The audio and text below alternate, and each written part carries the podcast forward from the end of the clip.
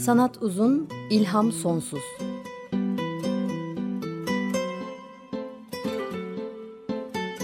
Sanat üzerine psikolojik sohbetler.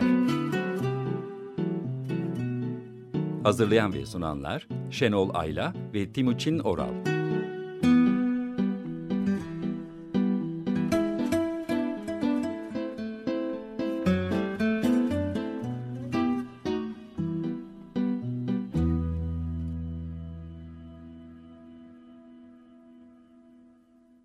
94.9 Açık Radyo'da Sanat Uzun İlham Sonsuz'dan merhaba. Ben Şenol Ayra. Teknik Masada da bugün Ömer Şahin destek oluyor. Twitter hesabımızı hatırlatıyorum. Et sanat alt uzun. Program sırasında yine bazı tweetlerimiz olacak. Bugün birkaç resim var çünkü üstünde konuşmak istediğim. Ee, daha sonra da bu bugünkü şarkı listemizi Twitter hesabımızda bulacaksınız. Podcast'imiz var. Açık Radyo.com.tr ana sayfasından erişebilirsiniz ve Açık Radyo.com.tr sitesinde de bir sayfamız var. Ee, onun linkini de paylaşacağım daha sonra. Ee, podcast'ten dinleyecekler için e, bugünkü programda konuşacağım şeyler hakkındaki tweet paylaşımlarının linkini de Açık Radyo sitesindeki sayfamıza koyacağım e, ayrıca. Ee, önceki bir programda Dört Kadın Dört Düş programında Madame Bovary'den ve Murakami'nin uyku novellasındaki kadından söz ederken hayatta ne kadar sıkıldıklarından bahsetmiştim. Ee, oradan hareketle bugün can sıkıntısı etrafında dolaşacağım biraz. Can sıkıntısı zor bir konu. Ee, hazır mısınız? Madame Bovary'nin sıkılmakta olan halini çok iyi anlatan bir resim e, gördüm. John Edward Goodall'un e, Ennui, Sıkıntı adlı resmi. Bunun da paylaşacağım Twitter'dan birazdan. E, adeta Modern Bovary budur diyor insan. Bu resim için poz vermiyor olsa o an sanki sıkıntıdan ölecekmiş gibi duran bir kadın var. Madame Bovary'yi de çok hatırlatıyor. Ve bir dizi resim de benzeri konuyu alıyor ele. Canı sıkılanları. Bunları Twitter'dan paylaşacağım ama e, isterseniz Goodall, e, Edward Goodall ve sıkıntı ya da ennui kelimeleriyle arayarak da bulabilirsiniz. Ama şu an erişemeyenler için biraz anlatayım. 1800'ler gibi bir dönemde zaten John Edward Goodall da o dönemde yaşamış bir İngiliz ressam. Uzun bir şık klasik bir kanepede elbisesiyle bir kadın oturuyor. Topuzu var kendisini arkaya yaslamış, ayağını hafif öne uzatmış, pufun üstüne koymuş. Bir kolunu kucağına bırakmış böyle umutsuz bir şekilde. Diğer kolu da kanepenin kolluğunun üstünde duruyor. Başını bir yastığa dayamış. Bir şalını e, muhtemelen şalı koltuğun kenarına atmış. Her şey o kadar renksiz, durgun, solgun ve kadın da o kadar boş boş bakıyor ki bize gerçekten canının sıkıldığını anlayabiliyoruz. Şimdi bir başka resmi daha var John e, Edward Goodall'un. Daha önce de aynı konuya tekrar tekrar takılıp resmettiklerinden konuşmuştuk bazı sanatçıların. Burada da gene sıkılan bir kadın var. Bunu da paylaşacağım. Ee, bunun adı sıkıntı değil Langham Sketch isimli bir tablo. 1877 gibi yapıldığı düşünülüyor. Aynı yaşlarda aynı durumda gene benzer bir odada benzer bir kanepede sağ kolunu kanepenin kolluğuna koymuş. Sol elini, sol elini kucağına bırakmış. Başı önüne düşmüş bir kadın var. Uyumuş bu sefer kadın. Arkada biri daha var. Biraz geride duruyor bir adam. Bir elini ağzına götürmüş. Ee, şaşırmış e, açık bir şaşkınlık ifadesiyle. Durup kalmış ve kadına bakıyor. Uyuyakaldığına şaşırmış. Belki de çok bekletti adam ve şimdi adeta ay Allah uyuttum kadını diye düşünüyor da olabilir. E, ya da o anlık bir bekleme değildi bu kadınınki. Senelerin birikmiş bir beklemesiydi. Hem de neyi beklediğini bilmeden bekliyordu. Ve artık e, sıkıntıdan tamamen uyumuş gibi görünüyor. Renoir'ın bir e, resmi var. Yine sıkıntıyı güzel anlatan. E, bir fincan çikolata resmi. Evet e, adıyla hiç e, ilişkisi yokmuş gibi duruyor. Bu resimde de ev ortamında içeride oturmuş masanın başında oturmuş genç bir kadın var. Önünde de bir sıcak çikolata var bir fincan. Ama canı sıkılıyor çok belirgin şekilde elini şakağına dayamış. O, bu önündeki çikolatayı içesi yok. Kalkıp gidesi yok bir şey yapası yok. Ee, resmin çerçevesi bile kadına sanki içine sıkıştırıyor gibi. Ve sıkıntısını da artırıyor bizim gözümüzde. Çikolatanın e, bize sunulup duran o baştan çıkaran mutluluk veren kendinden geçirip bulutlara uçuran hali bu bir fincan çikolatada asla yok nedense. Şimdi başka bir resimde de e, Carlo Portelli ve Girolamo Macchietti'nin bir tablosunda da benzeri durumda sıkılan üç kadın var. Bunlar da e, bir iç mekandalar. Bir de adam var babaları. Bu resimle ilgili anlatılanlar yazılanlar hmm, hep aynı fikirde babaları ve üç kız. Babaları evden de anlaşılacağı gibi çok zengin değil fakir e, ve bu kızları evlendirmek için bir çeyiz oluşturabilecek durumda da değil. Bu sıkılan üç genç kadın da hepsi aynı pozisyonda. Bir ellerini yanaklarına dayamış. Başına bu eliyle destek oluyorlar. Yere bakıyorlar. Ee, ve o dönemde yazılıyor ki genç kızların evlenmekten başka seçenekleri yokmuş. Ya evlenir ya da çalışmak üzere bir yere köle gibi satılırlarmış. Ve bu üç kadın da eğer fakir olduğu anlaşılan bu babaları onların evliliği için çeyiz parası ve düğünü ayarlayamazsa bu seçeneklerden birine düşecekler. Ama burada farklı bir şey var. Resmin sol tarafında e, pencereden içeriye üç tane elindeki altın topu atmak üzere olan bir adam var. E, bu kızların hayatını kurtaracak serveti atıyor bu adam içeriye. Bu da Aziz Nicholas yani Noel Baba. Bu kızlar evlenecek ve e, sıkıntıdan daha doğrusu kara kara düşünmekten kurtulacaklar. Böyle yazıyor resmin bazı yorumlarında. E, öyle mi sahiden evlenince kurtulacaklar mı sanmam. Thank you.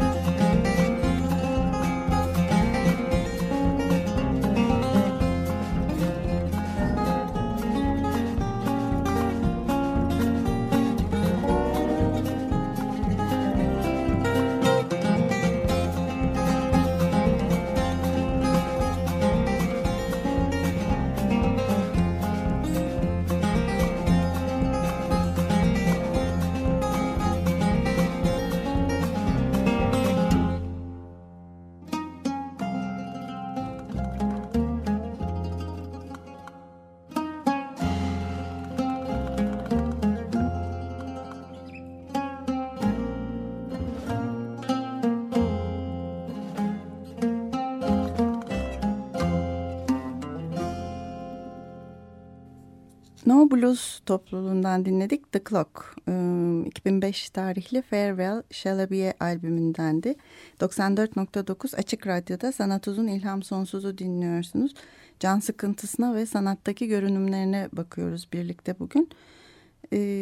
Evlenince evet kurtulacaklarını sanmam dedim şarkıdan önce. Sanmam çünkü şimdi buyurun bakalım bir resim daha var. Bu da iki kişilik bir sıkıntı tablosu. Walter Richard e, Sickerton 1917 tarihli bir başka Envy tablosu bu da. E, bir sıkıntı, usanç, bıkkınlık tablosu. E, bu tabloyu da biraz tarif edeyim. Aynı zamanda da Twitter'dan paylaşıyorum birazdan. Gene dar bir iç mekanda bir masa başında oturan bir yaşlıca adam var. Orta yaşlı yaşlı arasında. E, elinde bir sigara var. Biraz ileriye tavana ya da duvara doğru bakıyor. Dar bir mekan burası zaten. Önünde bir masa örtüsü de serili bir masa var ve büyük bir bardak yarısı dolu. Muhtemelen e, bir içki var içinde. Viski gibi bir şey ve bir sigara e, var elinde ve bir kibrit kutusu var. sigara içip içkisini içiyor. Arkasında da renkli sarı duvar kağıdının önünde durmuş bir kadın var. Sırtını adama dönmüş karşıya bakıyor da kendi karşısına doğru bakıyor. E, ve bu tablo bu sıkışmış haliyle büyük bir umutsuzluk, yalnızlık, iki kişilik bir yalnızlık anlatıyor. Ve ikisi de birbiriyle birlikte ve birbirinden çok uzak insanlar.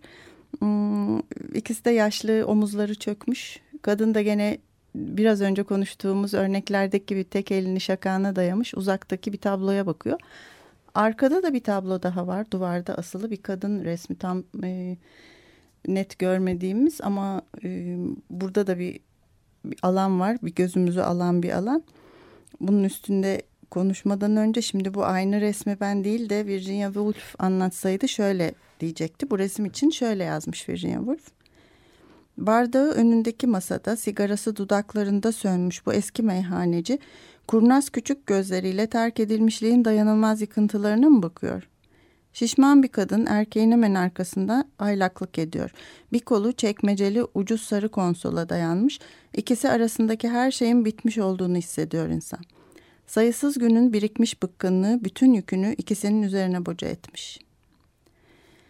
Ee, birazdan bahsedeceğim başka bir kitabın yazarı Peter Tuhi de e, şöyle söylüyor. E, çift bu yaşamlarından çaresizce kaçmak istiyor gibiler. Açıkça çok sıkılmışlar. İkisi de kaçmak istiyor gibiler. E, adam bunun için içki ve sigaraya kaçıyor. E, çünkü uyuşturucular yarattıkları unutuş sayesinde her zaman can sıkıntısından mustarip bir insan için kurtarıcı olurlar. Kadın da kaçış için belki o baktığı tablodaki yerlere gitmeyi istiyor. Oraya seyahat etmek onu can sıkıntısından belki kurtarabilir. Ama diğer yandan karşı duvarda da bir kadın tablosu var ki bu da muzip bir erotizm imasıyla başka bir çözüm sunuyor bu sıkılan iki kişiye. Ee, ve şöyle devam ediyor Peter Tuhi bu tabloyla ilgili. Bu üç kurtuluş yani uyuşturulmuş unutma, seyahat ve seks basit veya varoşsal türde can sıkıntısının standart klişe çareleridir. Kişisel unutuş yani uyuşturulmuş unutma işe yarar. Fakat ne pahasına unuttuğunuzda en sonunda hafıza kararır ve benlik duygusunun kaybına yol açar. Hayatında ne yaptığını hatırlayamazsan artık sen sen değilsindir. Bu kayıp ölüme eşdeğerdir. Bir çeşit intihardır. Kadının bu tablodaki cevapları yani erotizmi, egzotiği ya da yeniyi kovalamak e, diğer seçenekler. Ama hiçbir zaman işe yaramazlar. Yeni olan deneyimlendiği anda ister erotik isterse egzotik olsun sıkıcı olmaya meyillidir. Yeni olan sonsuzluğun başka türü haline gelir. Sonsuza kadar uzaklaşır. Bir öğretmeni ya da bir partiyi sıkıcı bulmak mümkündür. Bunların sonu gelir ama birdenbire bütün hayat tarzınızı veya hayat arkadaşınızı sıkıcı bulmaya başlamak başka bir şeydir. Böyle bir can sıkıntısı insanın kafasını bulandırır. Aşikar bir nedeni yoktur. Beklenmedik bir şekilde ortaya çıkar ve kurtulmak çok zor hatta imkansızdır. İşte bu resimdeki şey belki de budur ve e, bunun adını da var, varoluşsal can sıkıntısı olarak koymuşlar. Ve bu can sıkıntısı insanda tutkunun yol, yok olmasına neden olup hayatın boşluğuna inanmasına ve hatta sonuçta da kendisinin değersiz olduğuna inanmasına yol açabilir diyor Peter Tuhi. Ee, o halde nedir can sıkıntısı deminden beri bahsettiğim Peter Tuhi'nin e, kim olduğunu da söyleyeyim. Daha önceki dönemde Edebiyatta, Sanatta ve Popüler Kültürde Kıskançlık adlı kitabından söz etmiş ve ondan da e, yararlanarak bir program yapmıştık kıskançlık üstüne. Daha doğrusu iki program yapmıştık. Peter Tuin bir de Can Sıkıntısının Eğlenceli Tarihi diye bir kitabı var. Onu da e, sizinle paylaşacağım Twitter'dan. E, aynı şeyi uzun süre yapmak mesela bir ovada ya da yeknesak bir bozkırda. Hatta yolun bile inip çıkmadığı, kıvrılmadığı bir düzlükte arabayla uzun süre gitmek. Siz sürün ya da sürmeyin e, sonuçta can sıkıntısından sizi patlatabilir. Bu duruma yani o an içinde bulunulan durumla ilgili yaşanan can sıkıntısına durumluk sıkıntı, anlık sıkıntı hmm, diyor uzmanlar ve yazarlar. E, buna gündelik hayatımızdan birçok örnek verebiliriz tabii düşününce. Bir toplantının uzaması, ilgisiz olduğumuz bir konuda verilen bir konferansta e, sıkışıp kalmak, hmm, zoraki bir bayram ziyareti ya da bir uzun süren bir e, çok da hoş geçmeyen bir aile yemeği gibi durumlar e, bu anlık durumluk sıkıntı olabiliyorlar. Yani aslında şöyle tanımlıyor yazarlar. Kaçınılmaz ve tatsız bir biçimde öngörülebilir bir durumun yarattığı rahatsızlık, hapsedilmişlik ve sonuç olarak da kişinin çevresinden ve zamanın doğal akışından uzak kaldığı duygusu. Kısaca geçici kaçınılmaz durumların öngörülebilir koşulların yarattığı hafif tiksinti duygusu. Burada biraz işin içine tiksinti de giriyor. Ve e, birçok yerde de yazıyor ki esnemek yorgunluğun olduğu kadar can sıkıntısının da akrabasıdır. E, can sıkıntısı da genellikle çocuklarla özdeşleştiriliyor ve bu konuda çocukların aslında hiç e, çekincesi utanması yoktur. Pat diye söyleyebilirler ben çok sıkıldım diye ve sık sık yapabilirler bunu ama büyüklerin canı sıkılmaz, sıkıldıklarını itiraf etmezler. Hatta sıkılmadıklarıyla da övünürler. E, bu da böyle bir durum. E, can sıkıntısı peki aslında depresyon olmasın ya da melankoli olabilir mi? Bunlara da bakmışlar ve değil aslında. Can sıkıntısının bu varoluşla ilişkili halini depresyon ya da melankoli olarak tanımlamak isteyen çıkabilir diyor Peter Tuhi kitabında. Ama can sıkıntısı derken hayal kırıklığı, bıkkınlık, depresyon, tiksinti, kayıtsızlık, hissizlik ve hapsedilmişlik ve kuşatılmışlık duygusundan oluşan bir rahatsızlıklar kümesini kastediyoruz. Yani bütün bu konuştuğumuz kelimelerin hepsini kapsayan, hepsinin de daha e, büyüğü, daha genişi, daha yaygın, daha çok can sıkan bir durum.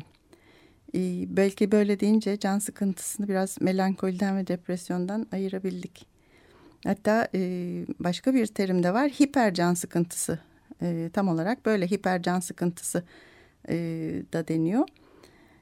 E, Sean Desmond Hill'in terimi bu ve bunun e, kişisel anlam hissinin kaybolmasının sonucu olduğunu söylüyor. Artık hiçbir şeyin anlamı yok. Belki bu sıkılmaktan ölecek gibi olmak bir durum bir anlamda da. Ee, şimdi daha fazla sıkılmadan bir müzik arası verelim. Ee, Yoğun Sunna, Lars Danielsson ve Ulf Walkenhus'tan dinleyeceğiz Waiting.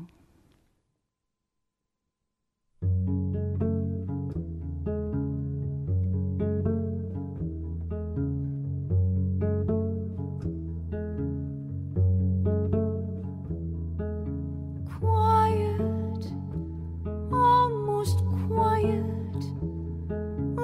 a summer rain at dawn. Silent, ever silent, are we waiting for the storm? Through the dark night, did our hearts fight in a battlefield?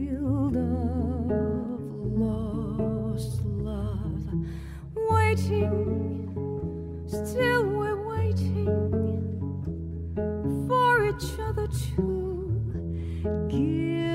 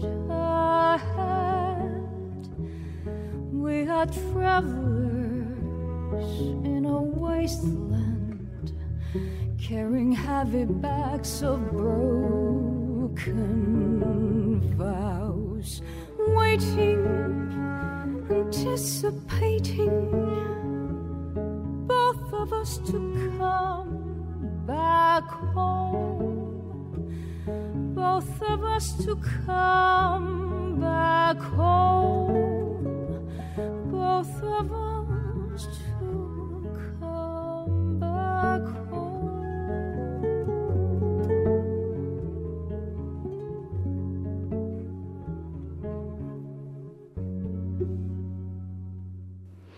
2013 tarihli Lento albümünden dinledik. Lars Danielson'un Ulf Vakenius ve Yoğun Sunnah'la birlikteydiler.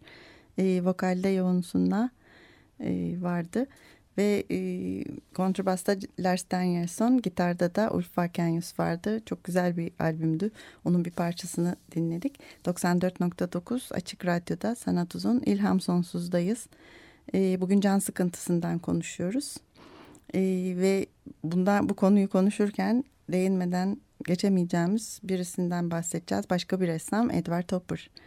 Geçen dönemde programımızın melankoli konusunda konuşmuştuk. İnsanın yabancılaşması, toplum dışında kalması ve artık tekrar içine giremeyecek kadar yabancılaşmasıyla oluşan melankolik kişilikten de ve bunu güzel resimleyen bir ressamdan bir ressam olarak da Edward Hopper'dan söz etmiştik. Orada e, da sık kullandığımız kelimelerdi yabancılaşma, yalnızlık, izolasyon, boşluk, anlamsızlık gibi. Bu hüzün de getiren bu yalnızlık ve yalıtılmışlık e, geniş az eşyalı alanlarda birbirinden uzak yalnız insanlarla da çok güzel veriyor Hopper. Bunları otel odaları, ıssız şehirler arası yol kenarlarındaki benzin istasyonları, gece kafeleri, gece açık lokantalar ve barlar. Ee, yalnız insanların sanki evleri yokmuş, bir yere gitmeyecekmiş. Ee, gitmek istedikleri bir yer yokmuş gibi oturarak e, yüzlerinde hafifçe yere dönük birbirine bakmadan ve konuşmadan durmalarıyla e, bunlardan uzun uzun da söz etmiştik. Şimdi can sıkıntısında yine Edward Hopper'ın Rooms by the Sea, Denize Bakan Odalar e, adlı tablosu var önümüzde. 1951 tarihli bir resmi. Twitter'dan da paylaşıyorum ama şu an erişemeyenler için de biraz anlatayım. E, ortada resmin büyük bir kısmını kaplayan bir duvar var. Hmm, beyaz bir duvar. İçinde bulunduğumuz evin odalarından birinin iç duvarı. Sağda bir kapı açılmış ve denizi görüyoruz dar bir açıdan. Solda da evin başka bir odası var. Ee, bir kanepe, bir dolap, duvarda küçük bir tablo var. Bunların hepsinin de ancak çok az kısımları görünüyor. Yine dar kapı aralığından. Ortada dediğim gibi büyük beyaz duvar var. Ee, duvar beyaz evet. Ee, beyaz bir şeylerin önüne engel olmak için çok uygun bir renk. Gözünüzü kaçıramazsınız. Beyazı görmezden gelemezsiniz. Önünüze dikilir bu duvar da öyle. Üzerine denizden doğru bir güneş vurmuş ama içimizi ferahlatmıyor bu da. Denize bakan kapı açık ama balkona açılmıyor. İlginç bir şekilde boşluk var önünde ve sanki durduğumuz noktadan odadan dümdüz bu kapıya doğru yürürsek, devam edersek bu açık kapıdan aşağı düşermişiz gibi görünüyor. Zaten Edward Topper da bu resmin adını önce aşağı atlama yeri, jumping off place koymuş. Daha sonra karamsar bulduğu için bu ismi değiştirip denize bakan odalar yapmış. Ee, yaz, yazların büyük bir kısmını zamanının Cape Cod'da, Massachusetts'teki Cape Cod'daki stüdyosunda geçirilmiş ve e, oranın da böyle bir okyanus manzarası varmış ve muhtemelen kendi stüdyosundan esinlenerek yaptığı yazılıyor bu tabloyu da. Açık kapıdan görünen deniz de ufu, deniz ve ufuk da son derece tek düze. Tablodaki tek e, hareketli şey belki biraz denizin hafif dalgalanması olabilir. Bu denize bakan odalar resmi de o mekanın betimlenmesi değil de aslında yalnızlık ve sıkıntı durumunun betimlenmesi sanki. aynı anda hem çok gerçekçi hem gerçeküstücü bir resim hem de iç dünyasını sıklıkla da umutsuzluk ve yalnızlığı e, güzel yansıttığı resimlerinden biri. Mekanlar ve nesneler üzerinden metaforlarla anlattığını biliyoruz. Bir yazıda Hopper hakkında e, şöyle bir şey okudum. Hopper da aynı Van Gogh gibi nesneleri resmetmekle kalmadı. Onları kendi otoportresine dönüştürdü diyor. Bu da o tür bir tablo bana kalırsa. Sahiden de çizdiği nesnelerine ve mekanlarına bakınca onun içine bakıyormuş gibi oluyoruz ve ben bu resimde sıkıntıyı da görüyorum baktıkça. Hopper'a neden bazı nesneleri ve mekanları çizmeyi tercih ettiği sorulunca şöyle demiş kendisi. Tam olarak bilmiyorum ama tek bildiğim bunların benim iç dünyamın görünümleri olduğu. Sanat bir sanatçının iç dünyasının dışa vurumudur. O iç dünyada sanatçının dünyaya kişisel bakışıdır. Sıkıntıyı en güzel veren ressamlardan biri bence. Bunu derken sadece o sahnedekilerin o durumun ıı, tablonun içindeki iş sıkıntısı içindeki sıkıntıyı yansıtan demek istemiyorum. Evet hem bu hem de kendi içindeki sıkıntıyı yansıtıyor. Evet bu da var ama bize de sıkıntı hissettirebiliyor demek istiyorum. Çünkü bir Edward Topper resmine uzun süre baktığımda bir kişisel bir şey bu tabii. Son derece büyük bir iç sıkıntısı yaşayabiliyorum ben. Hatta bazen gözlerimi o tablonun içinden bir an önce almazsam bir daha da alamayacağım. Onun içinde hapsolacakmış bakışlarım gibi hissediyorum. Olumsuz bir anlamda da demiyorum aslında bunu. Tam tersi büyük bir başarı tabii bunu vermek. İster melankoli deyin ister can sıkıntısı bizi de böyle içine çeken bir sıkıntı var bunda da. Bu tablonun içinde kalmayalım. Çıkmak için bir parça dinleyelim şimdi. Güzel bir parça ile biraz iyi hissedelim. Ee, bugün programımızın misafir odasında Sina Hakman var. Sosyal Müzik'in ortaklarından. Ee, Açık Radyo'nun e, Perşembe akşamları 21'de yayınlanan Sosyal Müzik programının. Şimdi onun seçtiği parçayı dinliyoruz. Kendisi de bu parça için e, bu programın konusunu söyleyip parça rica ettiğimde şöyle dedi. Yaşamındaki şeylerden sıkılmış birine öğütler dedi. Şimdi Abby Lincoln'dan dinleyeceğiz. Throw It Away. I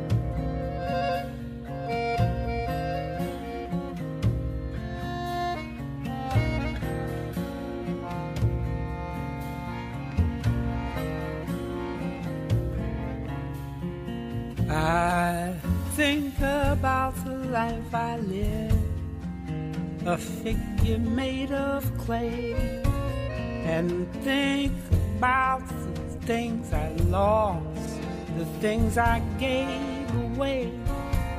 And when I'm in a certain mood, I search the halls and look. One night I found these magic words in a magic book.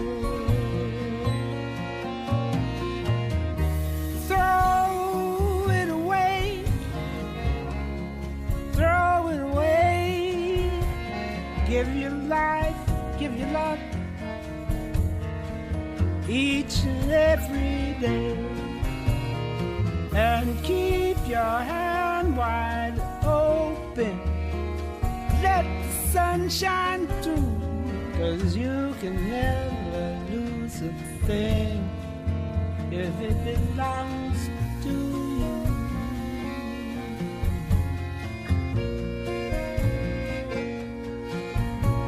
There's a hand that rocks the cradle, and a hand to help us stand with a gentle kind of motion as it moves across the land, and the hands unclenched and open gifts of life and love it brings. So keep your hand wide open if you need anything. Throw it away, throw it away. Give your love, live your life each and every day and keep your hand wide open. Let the sun shine through, cause you can never lose a thing. If it belongs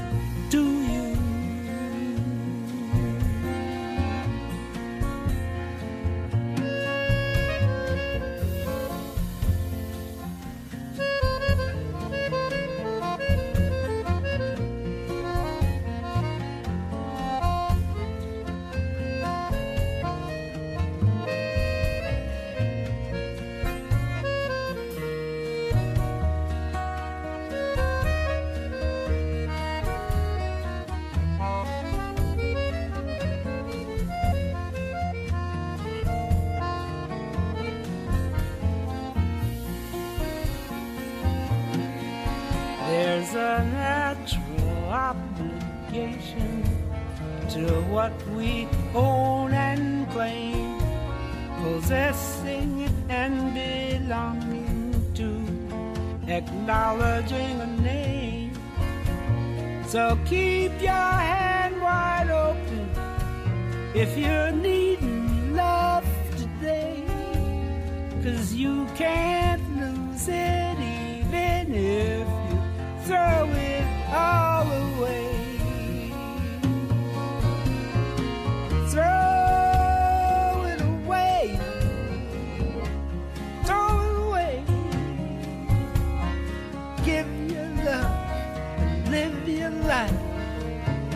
each and every day. And keep your hand wide open. Let the sun shine through. Cause you can never lose a thing if it belongs to you.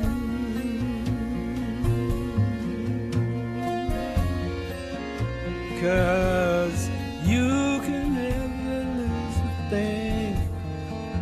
if it belongs to you. you can never lose a thing.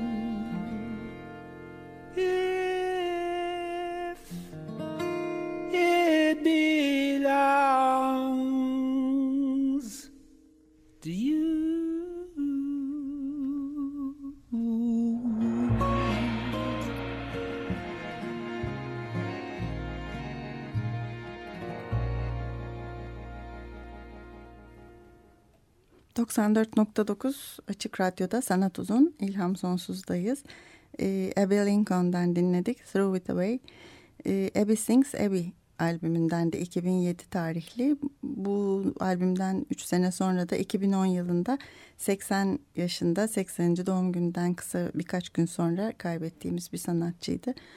Hmm, ve çok önemli bir caz vokalisti, şarkı yazarı, oyuncu e, idi ve çok sayıda eser vermişti.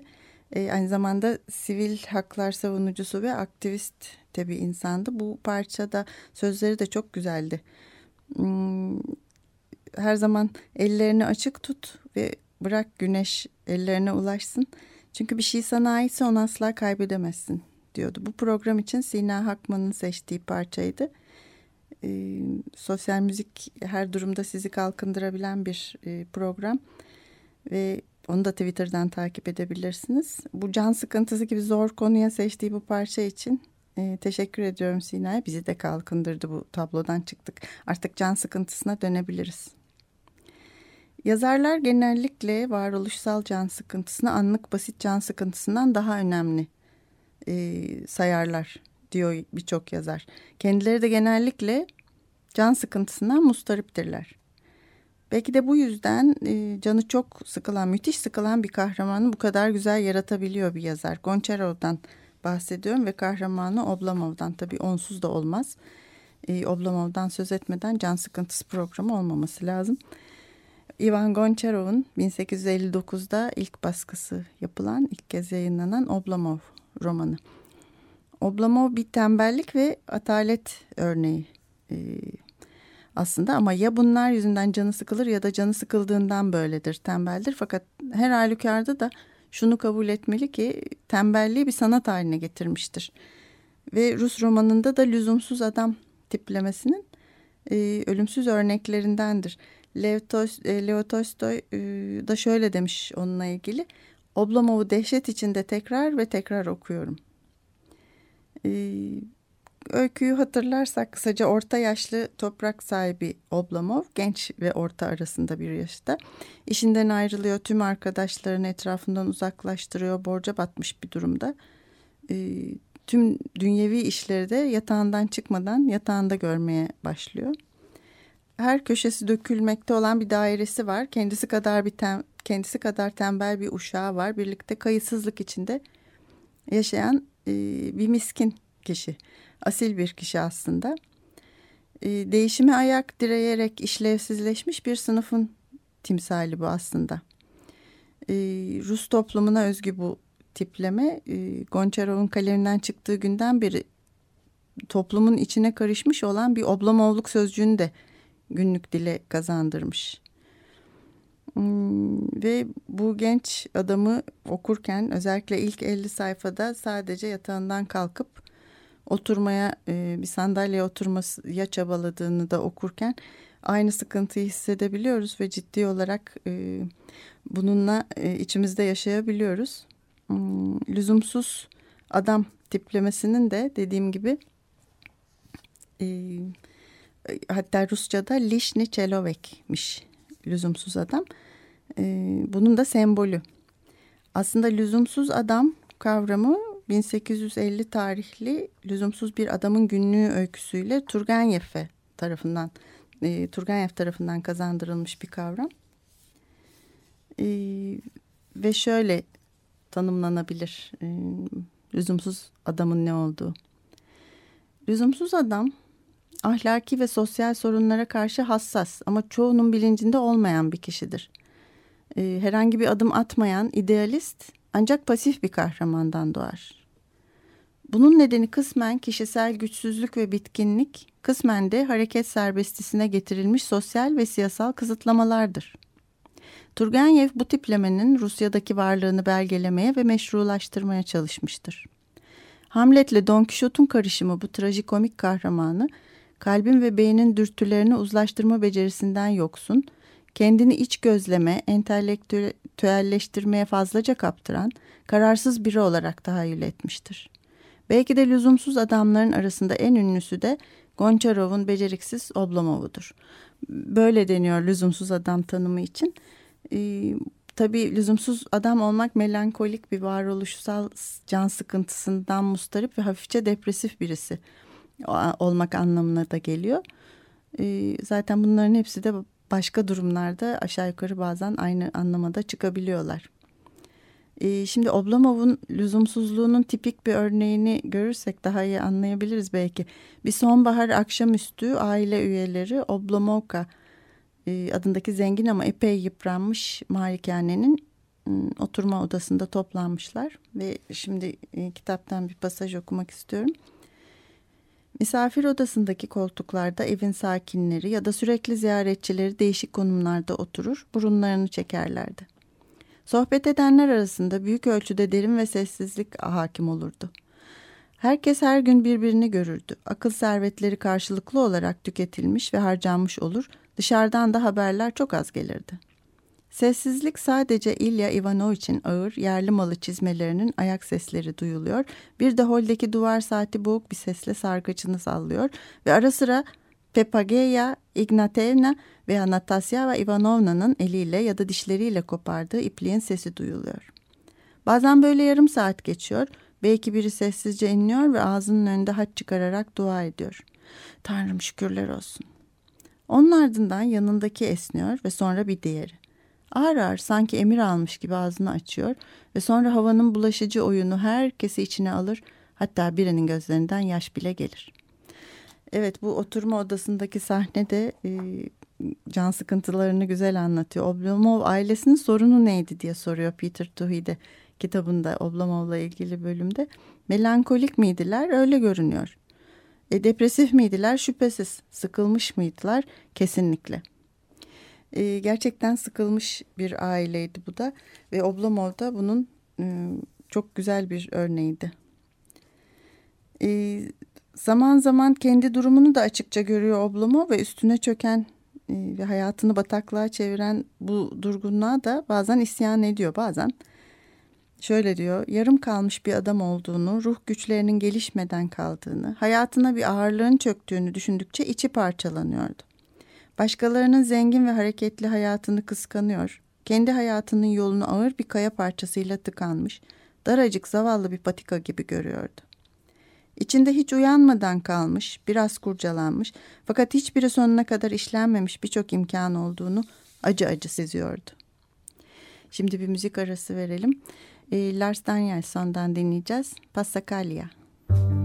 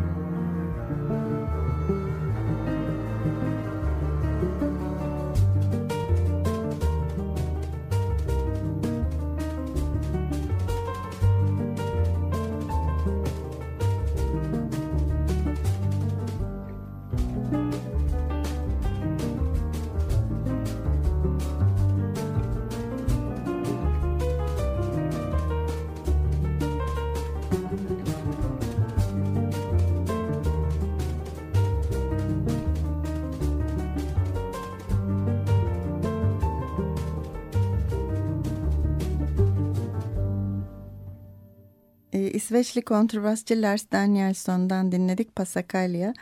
E, piyanoda Tigran Amasyan, gitarda John Paricelli ve davulda da Magnus Öström e, eşlik ediyordu. Magnus Öström e, Jesbjörn e, Svensson Trio'da da vardı bilirsiniz belki. 94.9 Açık Radyo'da Sanat Uzun İlham Sonsuz'u dinliyorsunuz. Bugün can sıkıntısından konuşuyoruz.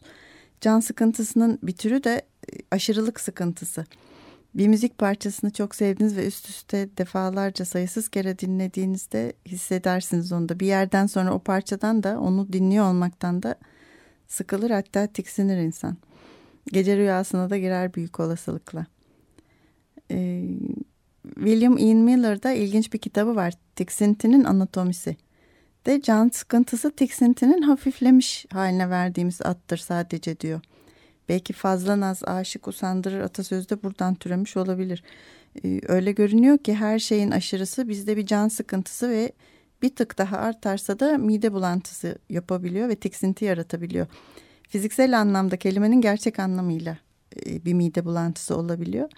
Ve tiksinti de aslında bizi tehlikeli, zehirli, zararlı olabilecek şeylerden koruyan bir özellik. Hmm, hastalık yapabilecek, tehlikeli olacak şeylerden tiksiniriz. Hayvanlar da öyledir. Sadece biz değil tüm hayvanlar öyledir daha doğrusu. Bu evrimsel bir tepki, tepkidir. E, o halde can sıkıntısı insanı hastalıklı sosyal durumlardan yani hapsedilmişlik, öngörülebilirlik ve kişinin akıl sağlığı açısından da fazlaca aynalık taşıyan durumlardan koruyor olabilir. Yani can sıkıntısı insan için yani insanın sağlığı için faydalı olabilir.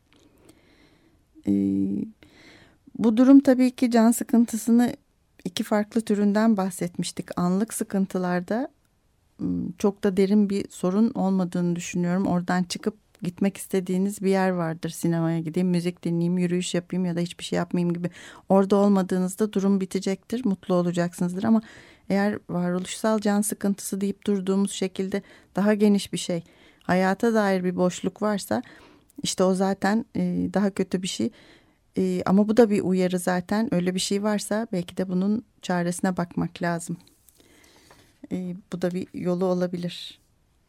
E, daha bahsedecek birçok insan, sıkılan insan var sanat dünyasında, resim ve edebiyatta, sinemada. Hmm, ama sizi yeterince sıktığımı düşünerek bu hafta bu kadar diyorum. E, destekçimize ve Teknik Masa'da da Ömer Şahin'e teşekkür ediyorum.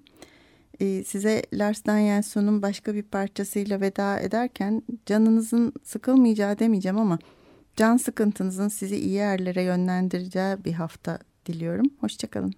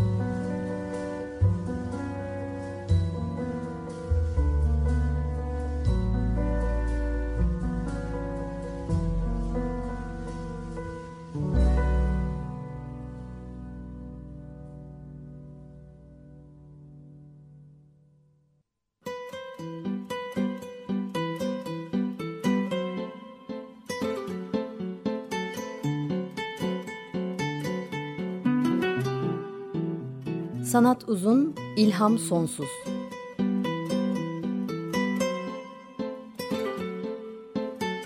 Sanat üzerine psikolojik sohbetler. Hazırlayan ve sunanlar Şenol Ayla ve Timuçin Oral.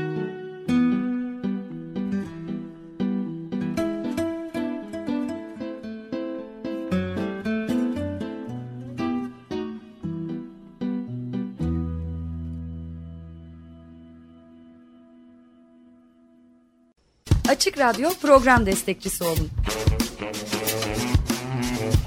Bir veya daha fazla programa destek olmak için 212 alan koduyla 343 41 41.